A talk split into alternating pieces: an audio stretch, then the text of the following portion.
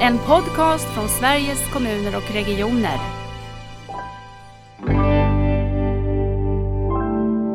Varför kan inte staten som är en aktör samordna sig bättre?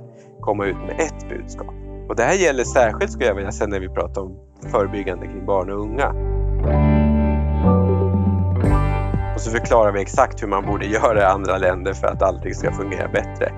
Men jag vill hävda att när, när vi kommer till, till området förebyggande och främjande, alltså folkhälsoområdet, då har vi inte det där systemet i Sverige.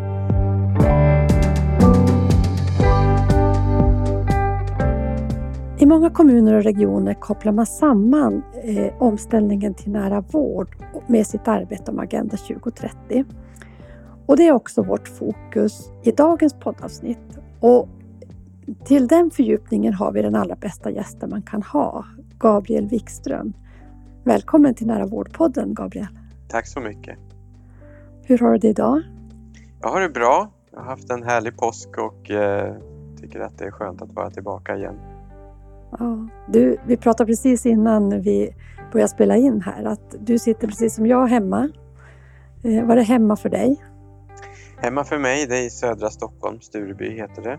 Eh, flyttade hit för något år sedan ungefär eh, när familjen utökades ännu mera. Eh, mm. Så att det är en härlig plats att möta våren på måste jag säga. Mm. Ja, idag har ni riktigt varmt tror jag. Ni ska få nästan upp till 15-20 grader tror jag ute. Ja, det är fantastiskt på många sätt. Härligt. Du, många känner ju dig som eh, hälso-, sjukvårds och idrottsminister.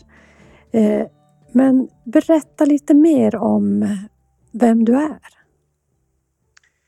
Ja, vad ska jag säga? Det, jag är en, numera en 37-årig man som har mina rötter i Bergslagen i en liten by som heter Riddarhyttan. Eh, har eh, sysslat med partipolitik en stor del av mitt liv. Först i eh, Socialdemokratiska ungdomsförbundet och sen naturligtvis i Socialdemokraterna. Eh, men är sedan fem år inte knuten. Jag har inga politiska uppdrag på det sättet utan har eh, sedan jag slutade som minister eh, arbetat med dels folkhälsofrågor på Länsstyrelsen i Stockholm och sen nu då som eh, nationell samordnare för Agenda 2030 sedan, sedan två år tillbaka. Och jag är gift och jag har tre barn och ett fjärde på väg. Så att det är fullt upp. Ja, det är fullt Hur gammal är den yngsta då? Den yngsta som heter Gunnar, han är eh, snart två år. Och den äldsta, eh, hon är snart 14 år. Så det är ett bra spann. Det är ett bra spann. Hörru du, när vi träffades, eh, det var ju ett antal år sedan, då var du just minister för hälso och sjukvård och idrott. Och jag tyckte alltid att det var så intressant att höra dig prata om vårdens, alltså visionerna du hade kring vården framåt. Eh, och nu pågår en stor omställning mot en personcentrerad och nära vård. Eh, hur tänker du kring den? Har du någon relation kring den? Följer du den på något sätt eller har du valt nu att tänka att nej men nu, vården har jag gjort och nu har jag annat i fokus? Jag är fortfarande väldigt intresserad av vårdfrågor men eh, jag har ju märkt när jag slutade som minister att det är så förlorar man den naturliga tillgången till till daglig information och uppdatering om hur, det, hur, hur läget är och hur det går. Ehm, men eh, i och med att man får annat att göra så är det också svårt att följa med i alla turer. Men det är mm. klart att jag har en, en precis som de flesta människor, en, en personlig relation till vården eh, på olika sätt. Eh, jag nämnde ju att jag har barn och det gör ju att man får gå på BVC med jämna mellanrum men det innebär också andra besök. Ehm, och sen naturligtvis själv och det är ju framförallt vårdcentralen man oftast har kontakt med så att eh, jag tycker att eh, jag har ju haft ett antal vårdcentraler nu i mitt liv och det är ganska spännande att se vilka skillnader som finns och hur det har utvecklats under de här 37 år som jag har levt. Just det. För jag tyckte mycket att det som stod på agendan under din tid som minister var ju väldigt mycket den här personcentreringen, det som handlade om det som var nära Även om jag inte riktigt minns om begreppet nära vård riktigt fann, hade, hade satt sig då. Göran Stiernstedt hade ju sin utredning. Och... det började sätta sig då skulle jag vilja säga. Mm. Vi famlade nog riktigt lite grann kring vad vi skulle kunna, vad vi skulle kalla det här till att börja Mm. med. Men det är klart att Göran Stiernstedts utredning kom ju som, det var som någon form av förlösning kan man väl säga, därför att den mottogs ju med halleluja-stämning runt om i Vård-Sverige och eh, eh, jag åkte ju runt då när jag var minister och träffade alla landstings, ja, landstings numera regionledningar med jämna mellanrum. Och eh, åtminstone regiondirektörerna plockar ju alltid fram ett tummat X ut och, utav den där och, eh, därför att den var man tyckte att den sammanfattade både de problem som man såg i vården men Mm. också det som man skulle behöva göra istället. Mm. Och det som var intressant var ju att eh, många som jag träffade sa att eh, vi, vi hinner inte vänta på den nationella nivån utan vi har faktiskt redan satt igång ett antal reformer eh, och, och, och i enlighet med, med eh, Stiernstedts eh, förslag. Då. Så att det var ju Mm. väldigt intressant att se och det var ju väldigt eh, tacksamt att påbörja det arbetet eh, eh, kring nära vård eftersom det hade mottagits så väl. Mm. Men eh, jag tänkte nog redan då, och jag har nog blivit mer övertygad om det sedan dess, att eh, eh, trots att alla till synes kan vara överens om en riktning och vad man behöver göra så är det väldigt, väldigt svårt att komma framåt. Och särskilt på ett område som sjukvården som är så komplext både i antalet huvudmän och i, i starka professioner och i djupt invanda mönster och vanor. Mm. Jag brukade, jag, jag, vad heter det, någon gång när jag var minister så snubblade jag över en, en eh, någon form av eh, essä eller artikel som hade skrivits av en historiker, jag tror han var från Uppsala på uppdrag av Socialstyrelsen. Okej. Och, eh, eh, han, eh, och då förstod jag liksom eh, utmaningen i vården för att han skrev då om en, en lag som hade funnits sedan 1700-talet eh, som handlade om att vården var förbjuden att ta emot obotligt sjuka. Det som vi idag skulle säga är människor som lider av kroniska sjukdomar. Därför vårdens resurser var så knappa så de skulle satsas på de som kunde återföras i, i produktivitet på olika sätt. Ja. Eh, Men det mest intressanta med den där lagen var att den togs inte bort förrän 1953. Och det visar någonstans de långa linjerna i hälso och sjukvårdspolitiken Ja. och eh, hur den här typen av lagstiftning eh, kan leva kvar väldigt, väldigt lång tid efter att den egentligen har spelat ut sin roll. Men också vilka storheter man har att hantera när man försöker förändra ett sånt här system. Mm. Ja, det, det säger ju också att man kommer aldrig kunna förändra det bara med lagstiftning, utan det är ju så mycket kulturarbete och, och verkligen driva frågor nära människor som, som jag tänker kommer att kunna spela roll. För det går inte bara att göra det uppifrån. Nej, verkligen. Och jag blir väldigt... Eh, jag brukar småle varje gång jag hör den här diskussionen om förstatligande utav hälso och Ja. sjukvården. Det är för att den förutsätter på något sätt att bara man får en huvudman för hälso och sjukvården så skulle man då med någon slags kommandostruktur kunna beställa fram och besluta om exakt eh, vilka reformer som ska genomföras och hur vården ska se ut runt om i landet och att den ska vara likvärdig och så vidare. Och jag tror att alla som har satt sig in åtminstone lite grann i hälso och sjukvården förstår att det där kommer aldrig att fungera därför att eh, det var också någonting som slog mig när jag var minister och reste runt i landet hur mycket utav det som vi idag tar för givet inom hälso och sjukvården Mm. som har vuxit upp underifrån. Det är inte Mm. så att det har liksom utretts och beslutats i, i, i laga ordning och sen implementerats utan det här är initiativ som har tagits utav enskilda läkare eller sjuksköterskor eller annan Mm. profession och som eh, har visat sig fungera väl och sen har blivit standard och ofta har det varit kanske akuta lösningar på akuta problem men som sen har utvecklats och, och blivit normgivande. Och ett sånt där tydligt exempel tycker jag det är ifrån den pandemi som hamnade i mitt knä precis när jag hade blivit utsedd som minister, det vill säga ebola-pandemin i Västafrika Ja, och som väckte enorm oro över världen. Det där har vi ju glömt bort nu i skuggan Ja, av andra saker. Men, Mm. Men, men, eh, eh, och då satte ju blixtbelysning på den högisoleringsenhet som finns vid, i Linköping.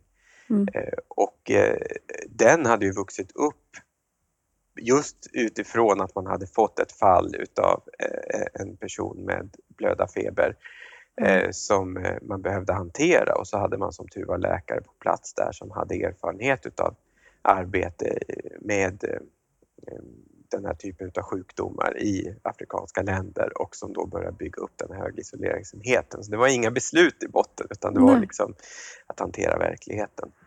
Jag tyckte också det var intressant att du sa att du hörde tidigt att ja, men vi kan inte vänta på att det kommer massor med statliga reformer eller reformer uppifrån utan vi har redan börjat göra. Att du hörde Mm. det också kring den nära vården. Jag tycker också det eh, har koppling till det vi ska prata om idag, om Agenda 2030, för du har ju, förstår jag i alla fall i din delredovisning till, till regeringen, beskrivit mycket av ledarskapets betydelse, styrning och ledarskap. Och då kan man ju fundera på just sektorn, hälso och sjukvårdssektorn, men mycket tror jag välfärdssektorn i stort också.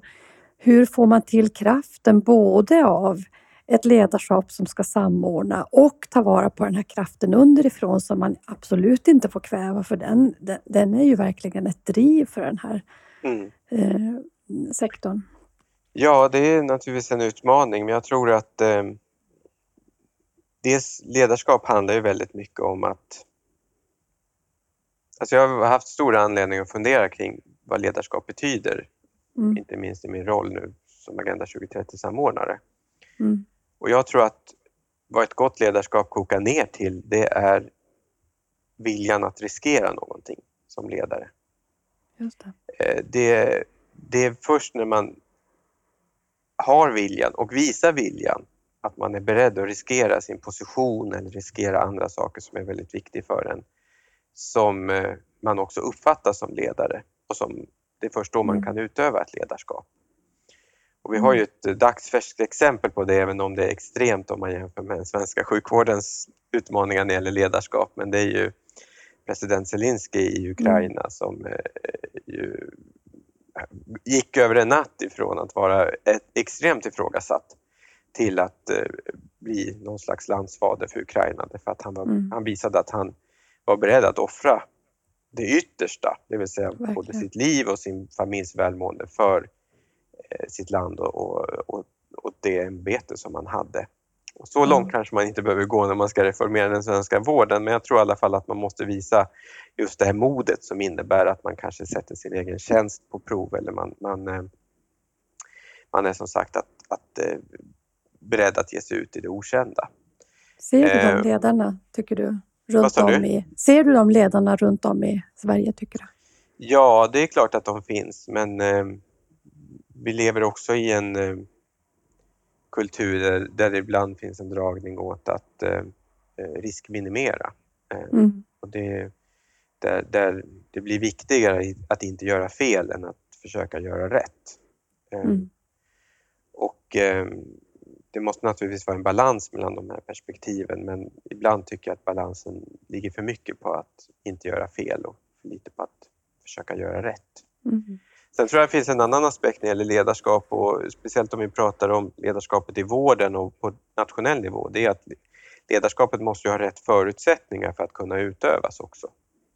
Och tittar vi på hälso och sjukvården så är det ju någonting som Göran Stiernstedt påpekade i sitt betänkande och som fortfarande inte är riktigt åtgärdat och det är ju att det finns ju ingen plats där regionernas företrädare som gör de främsta huvudmännen för hälso och sjukvården kan sätta sig ner med statens företrädare eh, och föra bilaterala eller multilaterala Nej. samtal och liksom besluta om inriktningen för hälso och sjukvården.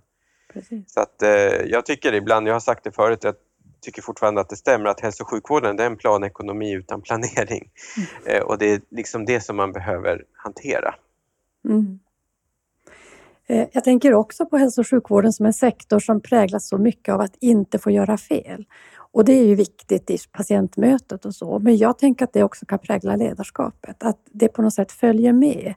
Det här modet att kunna göra fel, modet att få vara svag och säga jag fixade inte det här. Eller modet att, att vara riktigt innovativ och säga att vissa saker av det vi nu gör kanske vi inte kommer lyckas med, men det är det enda sättet vi kommer att kunna hitta nya vägar framåt. Att det kanske är lite grann en hämsko i vården, att vi har så mycket göra rätt eh, regler och rutiner på något sätt som också präglar helheten av verksamheten. Ja visst, visst är det så och eh, det finns ju och har funnits under flera år en debatt som riskerar att eh, driva på den utvecklingen eller förstärka de tendenserna. Jag tänker Mm. både när man alltmer börjar prata om hälso och sjukvård utifrån ett, ett rättighetsperspektiv snarare än ett behovsperspektiv. Eh, där det handlar om att enskilda patienter ska kunna ställa krav och få sina rättigheter tillgodosedda snarare än att man tittar på eh, just hur man ska kunna tillgodose behov och hur man ska kunna liksom eh, se till helheten. Mm. Och ehm, eh, också eh, sättet som vi naturligtvis försöker upptäcka fel och brister på där det utgår så mycket ifrån eh, egentligen teoretiska regelverk och teore teorier eh, och så applicerar man dem på verkligheten eh, Mm. snarare än att eh, jag menar det har ju kommit, vi har ju vi har försökt med liksom lagstiftning och annat få en utveckling där man kan eh, där tillsynen till exempel ska vara en grund för lärande och att man Mm. kan göra rätt, eh, lära sig för att sen göra rätt. Men det är klart att det fortfarande finns väldigt mycket utav att det här är inspektioner och att det handlar om att, att upptäcka fel snarare än att, Mm. att bidra till att, eh, till att förbättra systemet. Så eller som jag kunde tänka dig någon typ av kollektivt ledarskap eh, eller strukturledarskap som gör att man behöver vara lite rädd för att, att inte göra rätt. Och det är ju rädda organisationer, det är ju inte organisationer som varken är trevliga att vara i eller som kommer att utvecklas framåt. Nej, absolut och, och där handlar det väl om att eh, det tror jag många har men, men det handlar väl om att se hur man, inte minst från beslutsfattares sida, kan förstärka de strukturerna, den tendensen, det vill säga att professionerna ska vara så trygga i sin profession Mm. och med varandra och med sina rutiner och så vidare. Att man utifrån det kan så att säga ta ett, ett extra kliv och så att säga försöka göra det rätta snarare än att inte göra fel. Och det där Mm. måste ju sen fortplanta sig uppåt i systemet så att det också gäller beslutsfattare. Mm. Jag tänkte att vi skulle gå in på ditt uppdrag som nationell samordnare för Agenda 2030. Berätta om det, hur länge du har haft det och vad det innehåller och, och vad ditt uppdrag är. Jag blev utsedd utav regeringen till nationell samordnare i februari 2020 så det var två veckor innan pandemin Oj. slog till på allvar i, i Sverige. Mm. eh, och eh, har mitt uppdrag till mars 2024.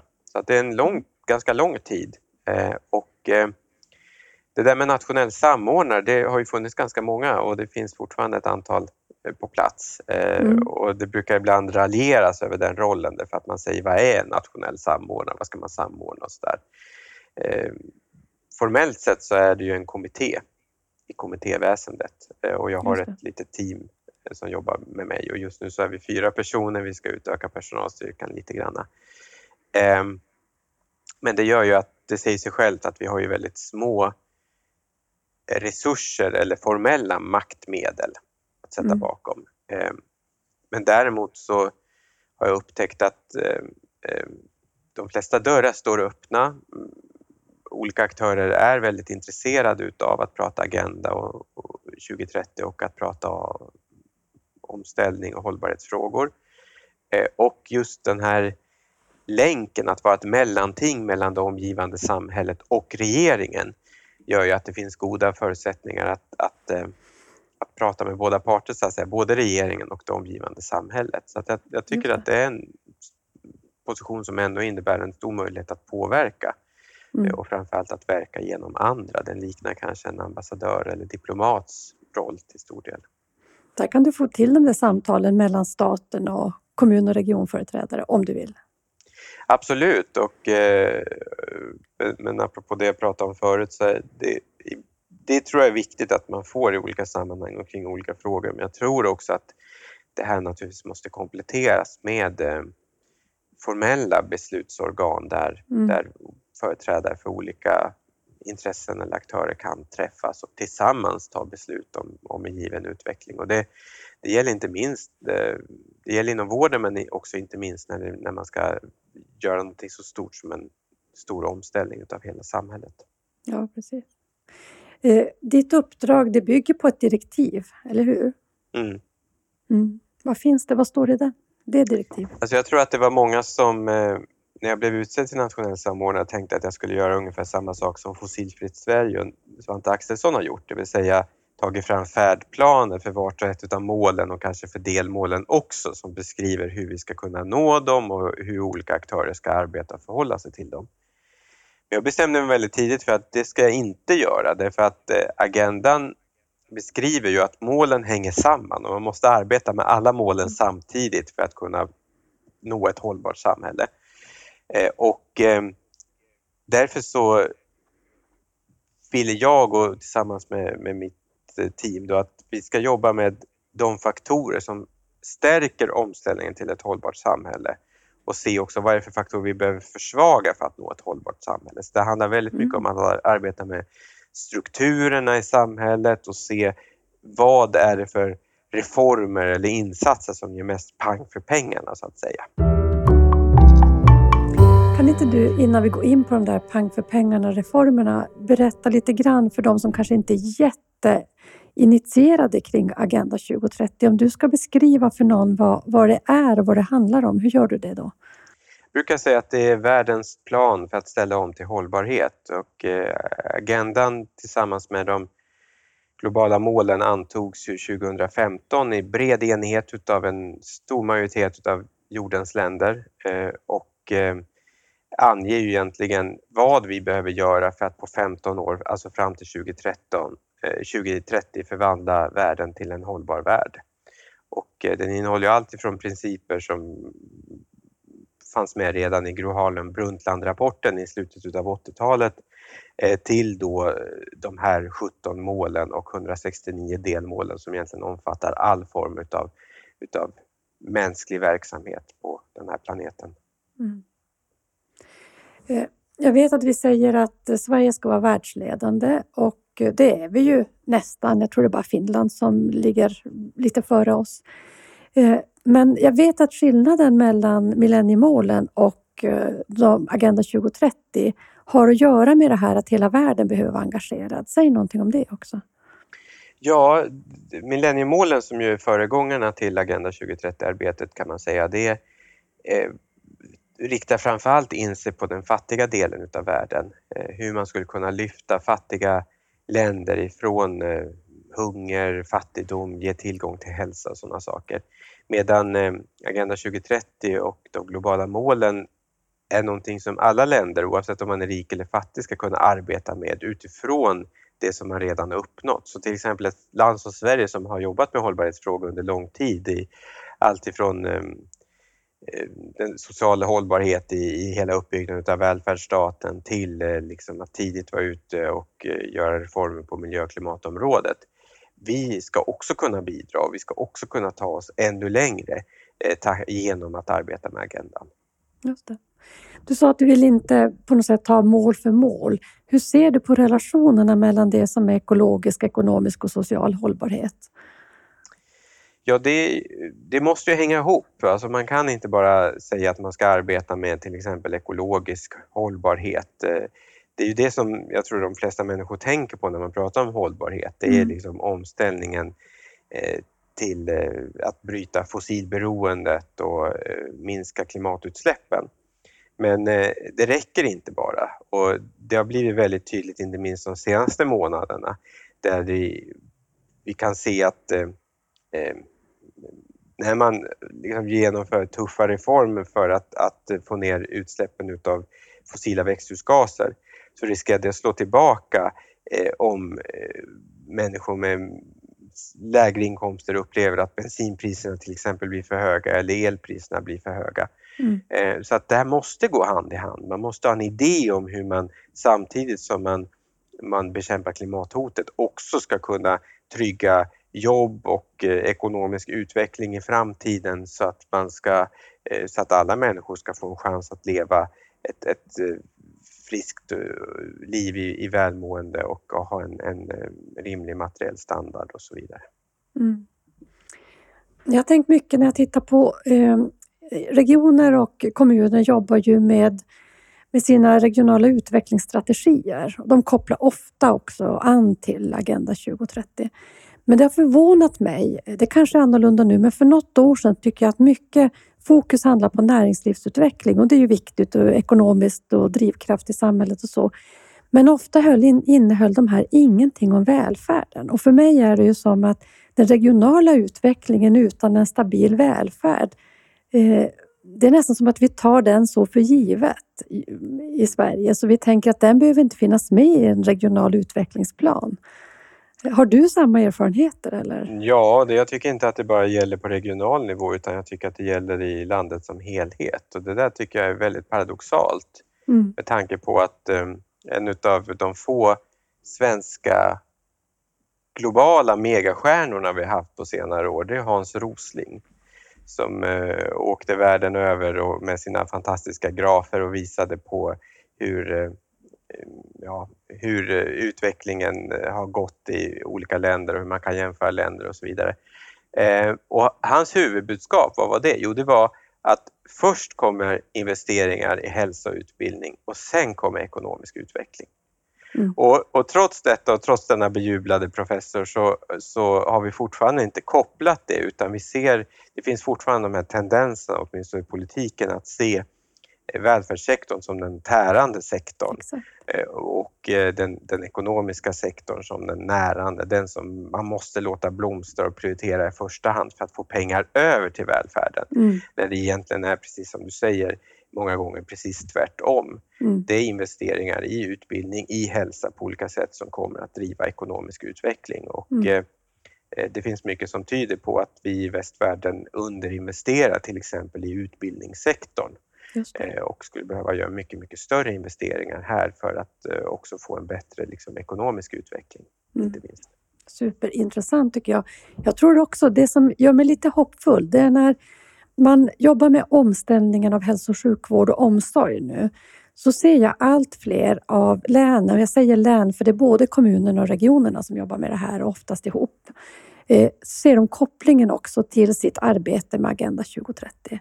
För när man börjar se på den här omställningen eh, mot den nära vården så inser man att det var inte en reform bara på hur vårdcentralen skulle jobba bättre eller någon annan del i hälso och sjukvården. Det var en reform för att få en hållbar också välfärd framåt som mm. har varit sån och är sån grundplatta i vårt samhälle. Mm.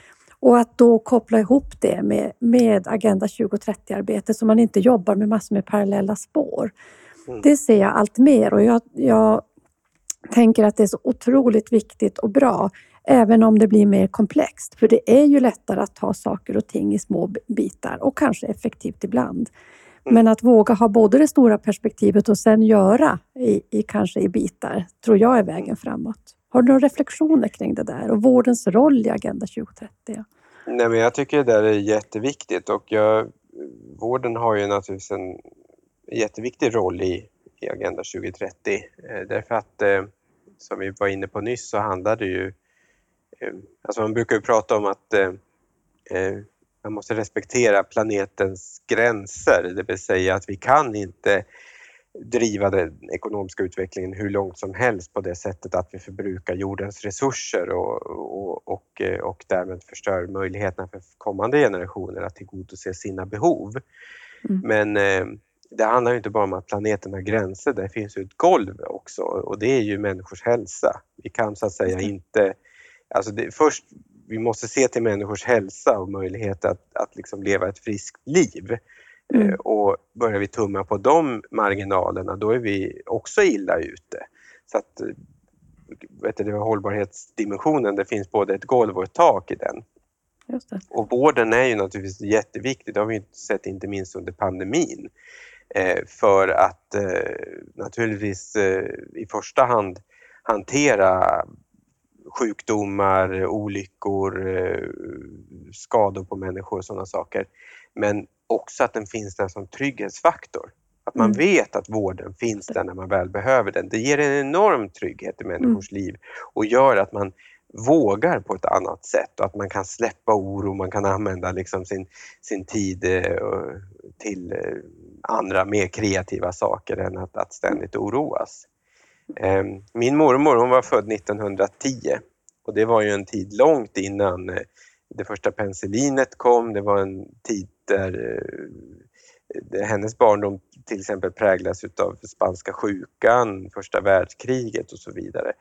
Eh, det var en tid där det var ständ, man behövde, det liksom sjukdomar, olyckor, katastrofer var ständigt närvarande i mm. människors liv på ett sätt som de flesta har vant sig av med sedan dess. Tack vare den medicinska utvecklingen och tack vare att vi numera lever i en trots allt betydligt mer fredlig värld. Mm. Eh, och, och eh, jag tror att det där är helt fundamentalt om man ska kunna bygga ett, eh, ett samhälle som utvecklas mot hållbarhet. Det är att människor känner trygghet på den resan. Mm. Det är så intressant att du tar upp begreppet trygghet. För det är ett begrepp som kommer nästan i varje poddavsnitt jag spelar in. Mm. Så det är ju någonting som är grundläggande och som vi kanske eh, inte pratar tillräckligt mycket om. Nu gör vi det i podden i och för sig, men alltså annars att skapa grundtryggheten i samhället. Det är det som också mm. gör att samhället inte slits isär, att vi får förtroende för varann och, och så vidare.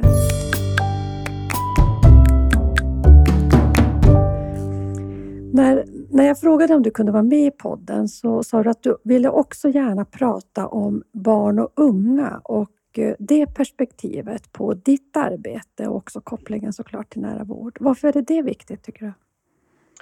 Ja, det är viktigt. Det har, det har varit viktigt eh, länge för mig, alltså dels utav kanske existentiella skäl. Det, jag tror att de allra flesta människor, särskilt om man har blivit förälder, inser att bygger vi ett samhälle som är bra för barn och unga, då är det ett samhälle som är bra för alla. Mm. Och att investera i barn och unga på olika sätt är att investera för framtiden. Det är liksom grundläggande, det är en logik som jag tror de, som sagt de flesta köper.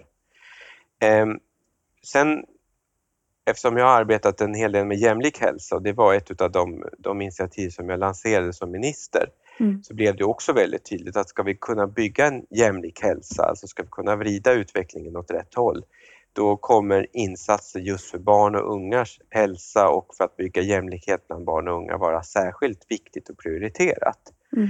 Och eh, det har jag tagit med mig in i det här arbetet som nationell samordnare för Agenda 2030. Därför att eh, dels så är det viktigt i sig för att bygga social hållbarhet och för att liksom bygga, bygga för framtiden, men det är också ett område som är komplext på många sätt till sin natur.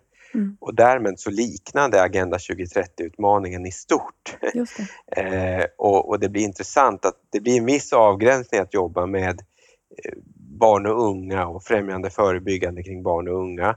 Eh, men det är tillräckligt komplext för att kunna säga någonting om vad vi borde göra när det gäller Agenda 2030 i mm. stort. Mm. Och, och, och jag, tycker att en, ja. jag ska bara säga det, att jag tycker att en av de stora paradoxerna här också, det är att vi har så mycket kunskap om vad vi borde göra för att ge alla barn och unga en tryggare uppväxt, att förbättra deras hälsa, förbättra deras livsmöjligheter. Men samtidigt så har vi inte riggat samhället för att arbeta med dem. Och vi brukar ju alltid berömma oss för att eh, när vi, särskilt när vi träffar utlänningar så brukar vi från svensk sida säga att in Sweden we have a system. Och så förklarar vi exakt hur man borde göra i andra länder för att allting ska fungera bättre. Men jag vill hävda att när, när vi kommer till, till området förebyggande och främjande, alltså folkhälsoområdet, då har vi inte det där systemet i Sverige. Nej. Utan det är väldigt eh, uppdelat, det fungerar väldigt olika över landet och det finns egentligen inget tydligt eh, ledarskap för hur vi ska metodiskt och systematiskt arbeta med till exempel främjande förebyggande kring barn och unga. Nej. Jag tänkte vi, vi får inte tappa den tråden. Det jag skulle vilja fråga om när du säger att det är så pass komplext och det liknar så mycket hela Agenda 2030-arbetet. Tänker du då på att det är så många aktörer involverade, olika styrningar och att det är det som gör det komplext? Eller vad, vad är det komplexa? Det, dels det, det är en viktig faktor eh, och inte minst en viktig faktor om man vill prata om hur man ska styra och leda på ett annat sätt för mm. att skapa hållbarhet eller i det här fallet främja och förebygga. Men det är också komplext på det sättet att vi inte vi känner till det på ett övergripande plan hur olika faktorer hänger samman. Alltså om man gör på ett visst sätt eh, så får man ett annat utfall. Va? Eh, men vi vet inte exakta mekanismerna eller hur de fungerar. Och ett exempel det är ju just det som hela, liksom, om vi pratar om jämlik hälsa, teorierna utgår ifrån. Det vill säga att eh, människors statusskillnad i sig skapar ojämlikhet Mm. i hälsa. Det vill säga, det finns ju fantastiska studier från det brittiska regeringskansliet där man har sett att även i en miljö där de flesta till synes har eh, god utbildning, höga inkomster, stora möjligheter att påverka både sitt eget liv och samhället i stort, så finns det även i den gruppen skillnader i hälsa som beror på ens position i hierarkin. Det är de som står högst upp i hierarkin lever längre än de som står längst ner. Mm. Och så ser det ut i hela samhället. Och man vet ju fortfarande inte riktigt hur de här mekanismerna fungerar. Varför är status så avgörande för att man har olika hälsoutfall till exempel? Mm. Så att, så att det eh, bidrar också till att det här är komplext och, och liknar liksom hållbarhetsutmaningen i stort. Mm. Eh, vad, vad gör du konkret då i området barn och ungas hälsa? Vad kan du som samordnare bidra i där? Vi gör två saker. En grej, alltså vi gör egentligen flera, men två tydliga sådana initiativ har vi tagit och ett är mera konkret än det andra. Jag kan ta det okonkreta först och det Mm. handlar om att vi tillsammans med eh, ett eh, företag som ägs utav, eh, jag tror att det är Region Värmland och Karlstad universitet tillsammans eh, arbetar med eh, vi håller på att utforska och se hur bygger man ett system? Alltså om man, om man liksom tänker bort allt vi har Mm. och så tänker man fram, hur bygger man liksom ett system eller ett systematiskt angreppssätt för att arbeta främjande kring barn och unga? Det, Mm. blir liksom, det, det är ganska liksom, det är spännande men, men det är lite flummigt. Men det handlar egentligen om att när vi pratar om främjande förebyggande så är det egentligen det förebyggande som vi oftast gör i praktiken. För det är lätt att utvärdera, man kan ofta koppla det till ett särskilt utfall. Till exempel förebygga diabetes, ja då vet vi ungefär vad vi ska göra. Eller förebygga cancer. Mm. Men när det handlar om att främja en god hälsa, då är det Mm. mycket svårare och vi halkar ofta ner i att säga att ja, men det är väl liksom välfärden i stort. Alltså bara man har tillgång till god utbildning och sjukvård och sådana saker, då främjar man en god hälsa. Men jag menar att det finns någonting som ligger mellan det breda främjande arbetet som är välfärdsstaten i stort och det rent förebyggande. Och det är det där som vi skulle vilja fånga och se hur kan man få mer utav den här främjande verksamheten på olika sätt. Mm. Är det det- Samhällsnyttan ni gör det i det bolaget eller? Nej?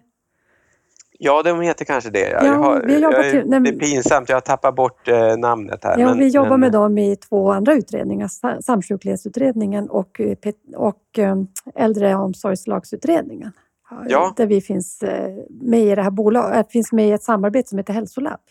Ja, exakt. Ja, Mm. jag, jag, det kan vara det. Jag, Mm, jag, ska, jag det. jag ska Mm. inte säga till 100 procent för att jag, ibland tappar jag namn och begrepp. Men, Ja, men, men så det gör vi. Det där tycker jag är spännande därför att det innebär ju att involvera massa olika aktörer och få Ja. deras syn på det. Och egentligen så ska man dra det riktigt långt så handlar det om att sätta alla relevanta aktörer i ett och samma rum och se vem behöver göra vad för att få det här till stånd. Mm. Och det liknar ju väldigt mycket liksom hela omställningen utav vården Mm. i sig. Va? Det andra som vi gör som är mer konkret är att eh, vi tar fasta på det här som jag tror många kommuner och en del regioner stört sig på och tycker är ett stort hinder för, för eh, framgång på olika områden och det är att staten är så dåligt organi- samorganiserad. Mm.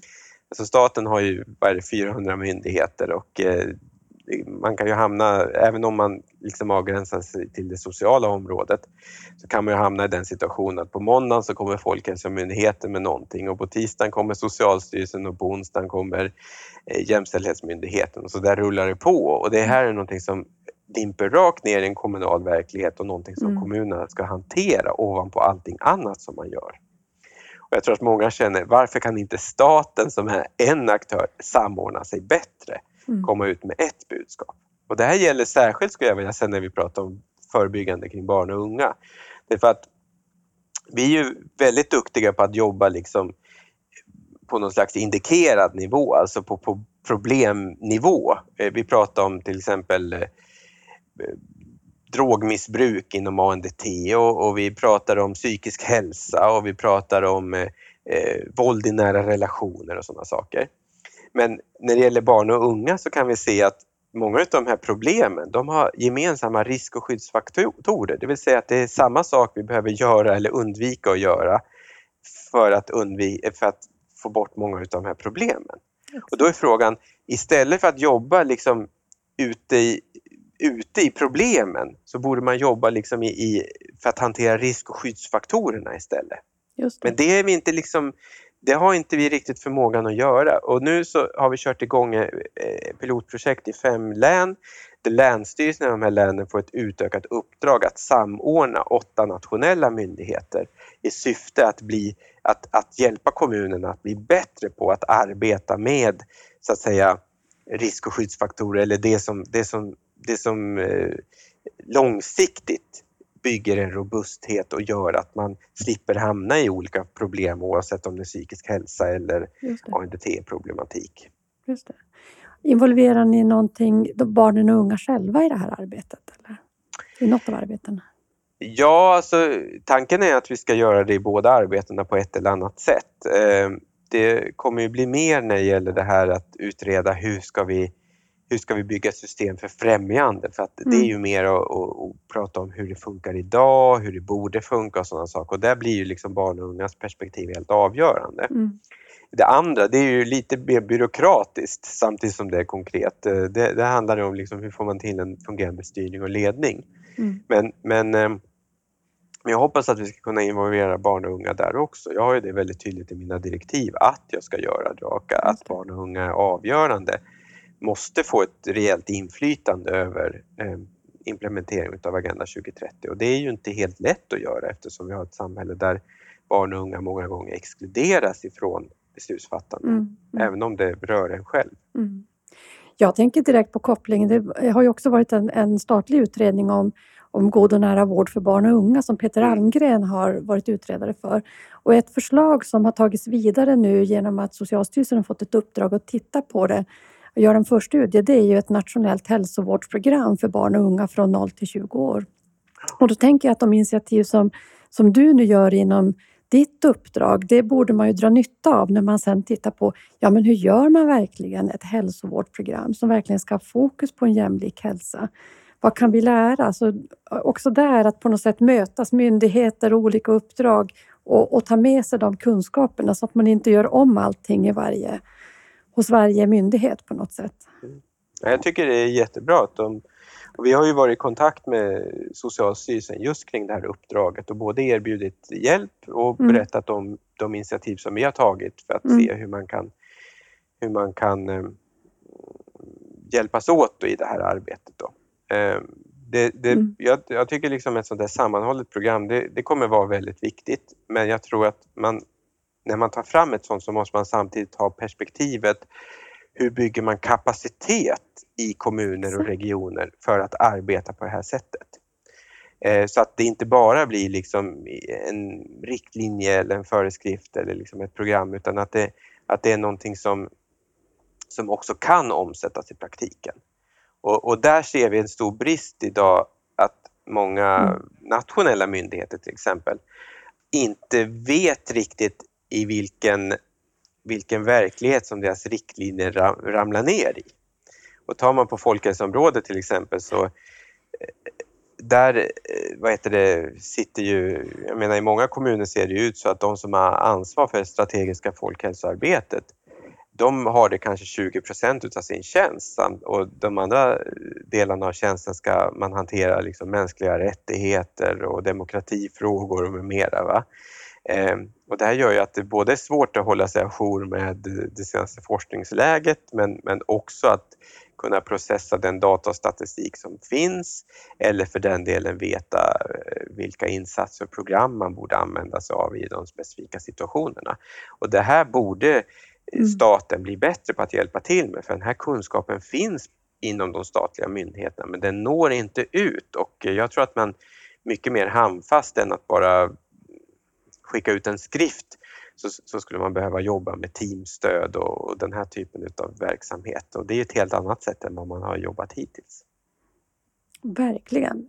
Jag tänker det här du säger kapacitet, så att man inte bara på något sätt pekar åt varandra. Nu har vi fått en föreskrift, nu, nu är det gäller det att följa den. Utan hur gör vi på nya sätt? Eh, det för mig in också på det som du har tagit upp. Du har ju fokuserat ganska mycket på att det behövs, i din delrapport till regeringen, att det behövs eh, utveckla styrning och organisering för att vi ska kunna göra en omställning av hela samhället. Eh, berätta om det. Vad är det du ser? Det är lite grann det du var inne på gissar jag, men berätta mer. Ja, alltså jag, jag tror att eh,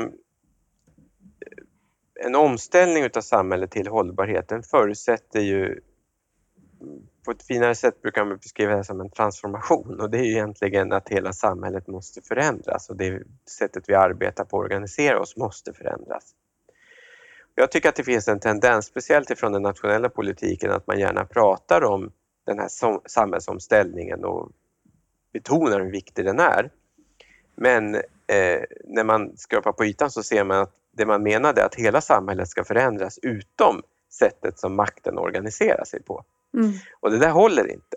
Eh, och vi har tagit ganska mycket fasta på den nationella nivån, hur, inte minst hur regeringen och, och riksdagen organiserar sitt arbete. Och de jobbar ju på samma sätt som man har gjort i decennier, för att inte säga sekel. Mm. och eh, här behöver man göra ordentliga förändringar därför att, därför att jag tror att vi börjar komma till vägs ände med det sättet som man med den bristande samordning som finns men, men också att man inte lyckas ha ett tillräckligt långsiktigt perspektiv på de beslut man tar. Men, men sen, han, det här måste ju vara en förändring som man också gör på kommunal och regional nivå och där tror vi att en nyckel är att titta på de kommunala ekonomiska ramverken. Vi har ju mm. till exempel regelverk som styr emot ettårsbudgetar samtidigt som de flesta problem och utmaningar man sitter med som kommun eller region de är betydligt mer långsiktiga än ett år. Eh, vi har eh, ju en tendens att eh, låsa fast oss i stuprör i kommuner och regioner när man jobbar i förvaltningar snarare än att försöka se till helheten och vi har inte alltid de verktygen man skulle behöva för att, eh, för att ta sig an eh, komplexa samhällsutmaningar. Eh, nu har vi jobbat tillsammans med Stockholm Environment Institute som har tagit fram en modell för hur man kan jobba med eh, Agenda 2030-målen på ett, på ett bättre sätt. Och, eh, eh, vi har nu testat den modellen i fem, jag tror det är fem stycken kommuner. Mm. Man kan säga att modellen går ut på att försöka se hur få mål behöver man arbeta med för att nå så många mål som möjligt. Det. Eftersom det är svårt att jobba med 17 mål samtidigt. Men då kan man ju tänka sig att i en kommun som har en viss problematik eller vissa utmaningar, då kanske det räcker med att jobba med fem mål så når man alla 17 bara genom att jobba med de fem målen. Mm. Och jag tror att det är två av de kommuner som har testat det här under vintern. De tycker att det funkar så bra så nu går de vidare och använder den här modellen som grund för sitt budgetarbete. Och då har vi kommit en väldigt lång bit på vägen. För att då får man ju plötsligt ett helt annat helhetsperspektiv på budgetplaneringen och hur man ska fördela sina resurser för att, för att verkligen möta de behov man har. Och det kan man göra inom befintlig lagstiftning? Kommunallagen sätter inga stopp eller? Nej, det, det, det, ska den inte göra men sen så tror jag att man kommer att komma fram till, om man ska göra det här fullt ut så kommer man komma fram till hinder som kommunallagen sätter upp. Och mm. Det är därför som vi har efterlyst också, och jag säger vi, alltså jag och, och mitt kansli, mm. eh, vi har efterlyst ett, eh, eh att man gör en översyn utav, utav eh, det finansiella ramverket både för kommuner, regioner och staten men med tydliga hållbarhetsglasögon och ser hur kan man skapa regelverk som understödjer omställningen till ett hållbart samhälle på ett mycket bättre sätt. Mm.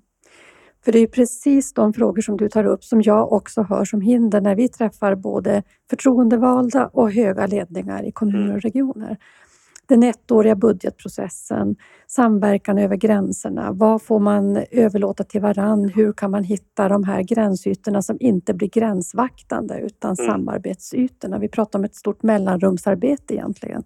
Mm. Och jag tror att hela den här välfärdsomställningen som är en del av Agenda 2030-omställningen, den kräver att vi jobbar helt annorlunda i de här mellanrummen det kommer inte att funka om vi bara ska, för vi har inte resurser till det och det blir ju heller inte bra resultat när vi behöver mycket mer av det här som hänger samman, inte minst för barn och unga.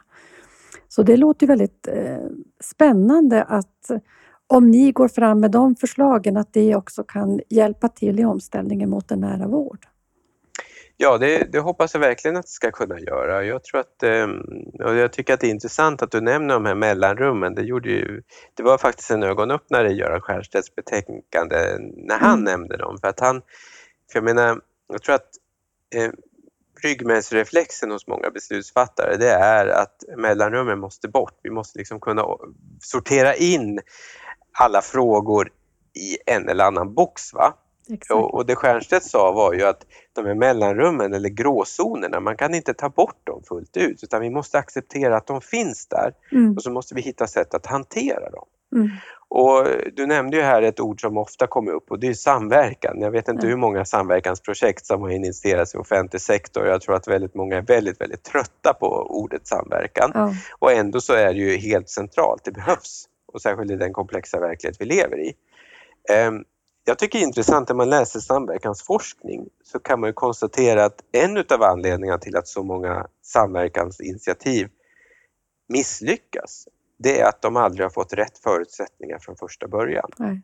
Det vill säga ofta så då säger man nu ska vi dra igång ett samverkansprojekt men så lägger man allt ansvar på eh, medarbetarna på golvet. Att det är mm. de som tillsammans med sina kollegor i andra organisationer eller andra förvaltningar eller vad det kan vara för någonting ska samverka. Man får ingen budget och man får ingen mekanism för att lösa ut konflikter. Eh, och så fort man stöter på problem eller att eh, man behöver göra besparingar, då slår den vertikala logiken till och Exakt. samverkan bryts. Va? Så, att, så att eh, jag tror att samverkan som beskrivs som så omöjligt många gånger, det behöver inte vara omöjligt om man bara ger rätt förutsättningar från första början. Mm. Och det är det som ofta fallerar. Mm. Jag tycker mycket av vårt samtal idag har handlat om det där, att egentligen hitta förutsättningar för att bryta igenom i de här komplexa utmaningarna. Att vi kanske börjar lite grann i fel ända har du fått mig att se. Att vi tänker att nu gör vi, men vi har inte diskuterat förutsättningarna. Och vad vet vi om förutsättningarna? Nu satte du fyra, fem förutsättningar direkt bara så här. Det här borde man titta på innan man kör igång och säkra upp, vem är den där som löser ut konflikterna när de kommer att uppstå? För det mm. kommer att bli gnissel någon gång i de där mellanrummen. Eller hur ser våra ekonomiska förutsättningar ut för att det här ska, ska gå? Och det är ju en fråga både för, tänker jag, för den, för den politiska ledningen och också för en högtjänsteledning i, mm. i regioner och kommuner som jag har som fokus. Då. Mm. Ver verkligen och eh, det där med att samverkansprojekt inte fungerar det är ju också en sanning med mod stor modifikation naturligtvis. Det finns massa liksom, små och stora projekt som naturligtvis har fungerat bra. Men det finns särskilt ett stort som är verkligen på ropet nu som man, tror jag, borde titta mera på, inte minst från hälso och sjukvården. Och det är ju totalförsvaret, eller det totalförsvar vi hade och det som nu ska återuppbyggas det är ju ett enda stort gigantiskt samverkansprojekt men som jag tror löste väldigt många av de frågor som vi har pekat på idag att man behöver lösa. Mm. Och då kommer vi in på en annan aspekt och det är hur kan det vara så att när vi kommer att prata om hård säkerhet eh, eller liksom typiskt ja. manliga bastioner, ja. då kan man lösa den här typen av komplexa utmaningar. Men när vi pratar om mjuk säkerhet eller det som man ofta liksom, som kanske är kvinnodominerat som i offentliga sektorn, då är det mycket svårare. Va? Så att det här, då kommer vi in på frågan vad värderar ett samhälle också? Du nämnde ju mm. det själv förut att mm. sjukvården brukar inte komma upp som en sån där alltså när man pratar om till exempel regional utveckling Nej. och sådana saker. Eh, och jag tror att ska man lyckas med eh, nära vårdreform eller omställning, då handlar det också om att kunna höja statusen på hälso och sjukvårdsfrågorna. Mm. Jag tycker det är intressant att du säger, du har tagit upp det här med den, den, individuella hälsan och betydelsen av var i hierarkin man på något sätt finns, vilken status man har. Kanske är det så också att i ett samhällsbygge så måste vi fundera också på de här eh, statusområdena och, och eh, faktiskt lyfta det som vi egentligen tar som eh, för självklart mycket och därför inte ger så hög status, även om mm. det borde vara tvärtom. För att också bygga den här hållbarheten på sikt. Mm. Jag tänker så att eh, vi ska avsluta. Det har varit ett jättespännande samtal. Jag tänker att du skulle få gärna ge några, om du har några råd till alla de som lyssnar och som är jätteengagerade i att göra den här omställningen till en mer nära, trygg vård och omsorg för invånarna som en del i omställningen av vårt samhälle. Vad skulle du ge dem för råd? Ja, oj, det, jag får försöka tänka på de råd jag ge mig själv varje dag när jag jobbar Mm. med så stort och komplext område som, som eh, omställningen till ett hållbart samhälle, Agenda 2030. Jag brukar... Dels är det väl den där sägningen som jag inte riktigt vet var den kommer ifrån, men man brukar säga hur äter man en elefant? Jo, en bit i taget. Mm. och det tror jag är liksom utgångspunkten när man tar sig an ett sånt här komplext område. Att eh, man måste man måste kunna, särskilt om man jobbar kanske på en vårdcentral eller i en, i en enskild eller i en, en liksom lokal verksamhet så måste man se okej, vad är det vi kan göra i närtid som kommer att ta oss ett steg närmare målet? Man får liksom inte titta på helheten för då tror jag att man får svindel och liksom ger upp det. utan man måste se vad är det för steg vi kan ta idag eller den här veckan eller nästa månad som kommer att ta oss närmare målet om en nära vård. Eh, och eh, sen så tror jag att det blir väldigt viktigt i det här arbetet eh, att försöka vara väldigt systematisk och metodisk också. Mm. Visst, man ska pröva sig fram, vi vet inte riktigt hur verkligheten ser ut så vi måste våga kasta oss ut och misslyckas, det som vi har pratat om förut när det gäller ledarskap. Men samtidigt som vi gör det så måste vi arbeta systematiskt och metodiskt. Och jag menar alla som jobbar inom hälso och sjukvården har ju någon form av akademisk utbildning eller åtminstone en, en utbildning som syftar mot det akademiska, mot Mm. systematiska, metodiska. Jag har blivit förvånad ibland att man inte använder de här kunskaperna mer än vad man gör. För att man skulle till exempel på en vårdcentral kunna arbeta mycket mer med statistik och data och följa liksom progressionen i det man gör. Eh, och svaret är väl att man kanske inte alltid har tid att göra det så det, det är väl nästa sak att försöka hitta tiden till Mm. att, att lyfta blicken och jobba med det som är grundläggande för att verksamheten ska fungera och för att den ska fungera på ett annat sätt imorgon än vad den har gjort idag. Mm. Så att det, det, jag vet, kan nog inte sammanfatta dem här i någon slags bucket list men, men, men, eh, men det är några tankar om vad jag tror man behöver göra när man arbetar med komplexa samhällsutmaningar som det här är. Mm. Tack. Det var ändå en bucket list tänker jag för de som eh, för alla oss ska jag säga som jobbar med det här. Jag avslutar med frågan om vad nära är för dig.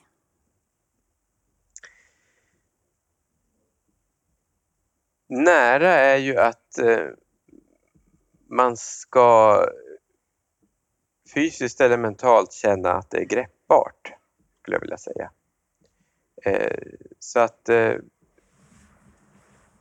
när det gäller vården till exempel så tycker jag att nära det är att förstå hur det fungerar, vart jag vänder mig om jag behöver hjälp, vad som ska vara nästa steg ifall jag har fått den där hjälpen och behöver ännu mera hjälp.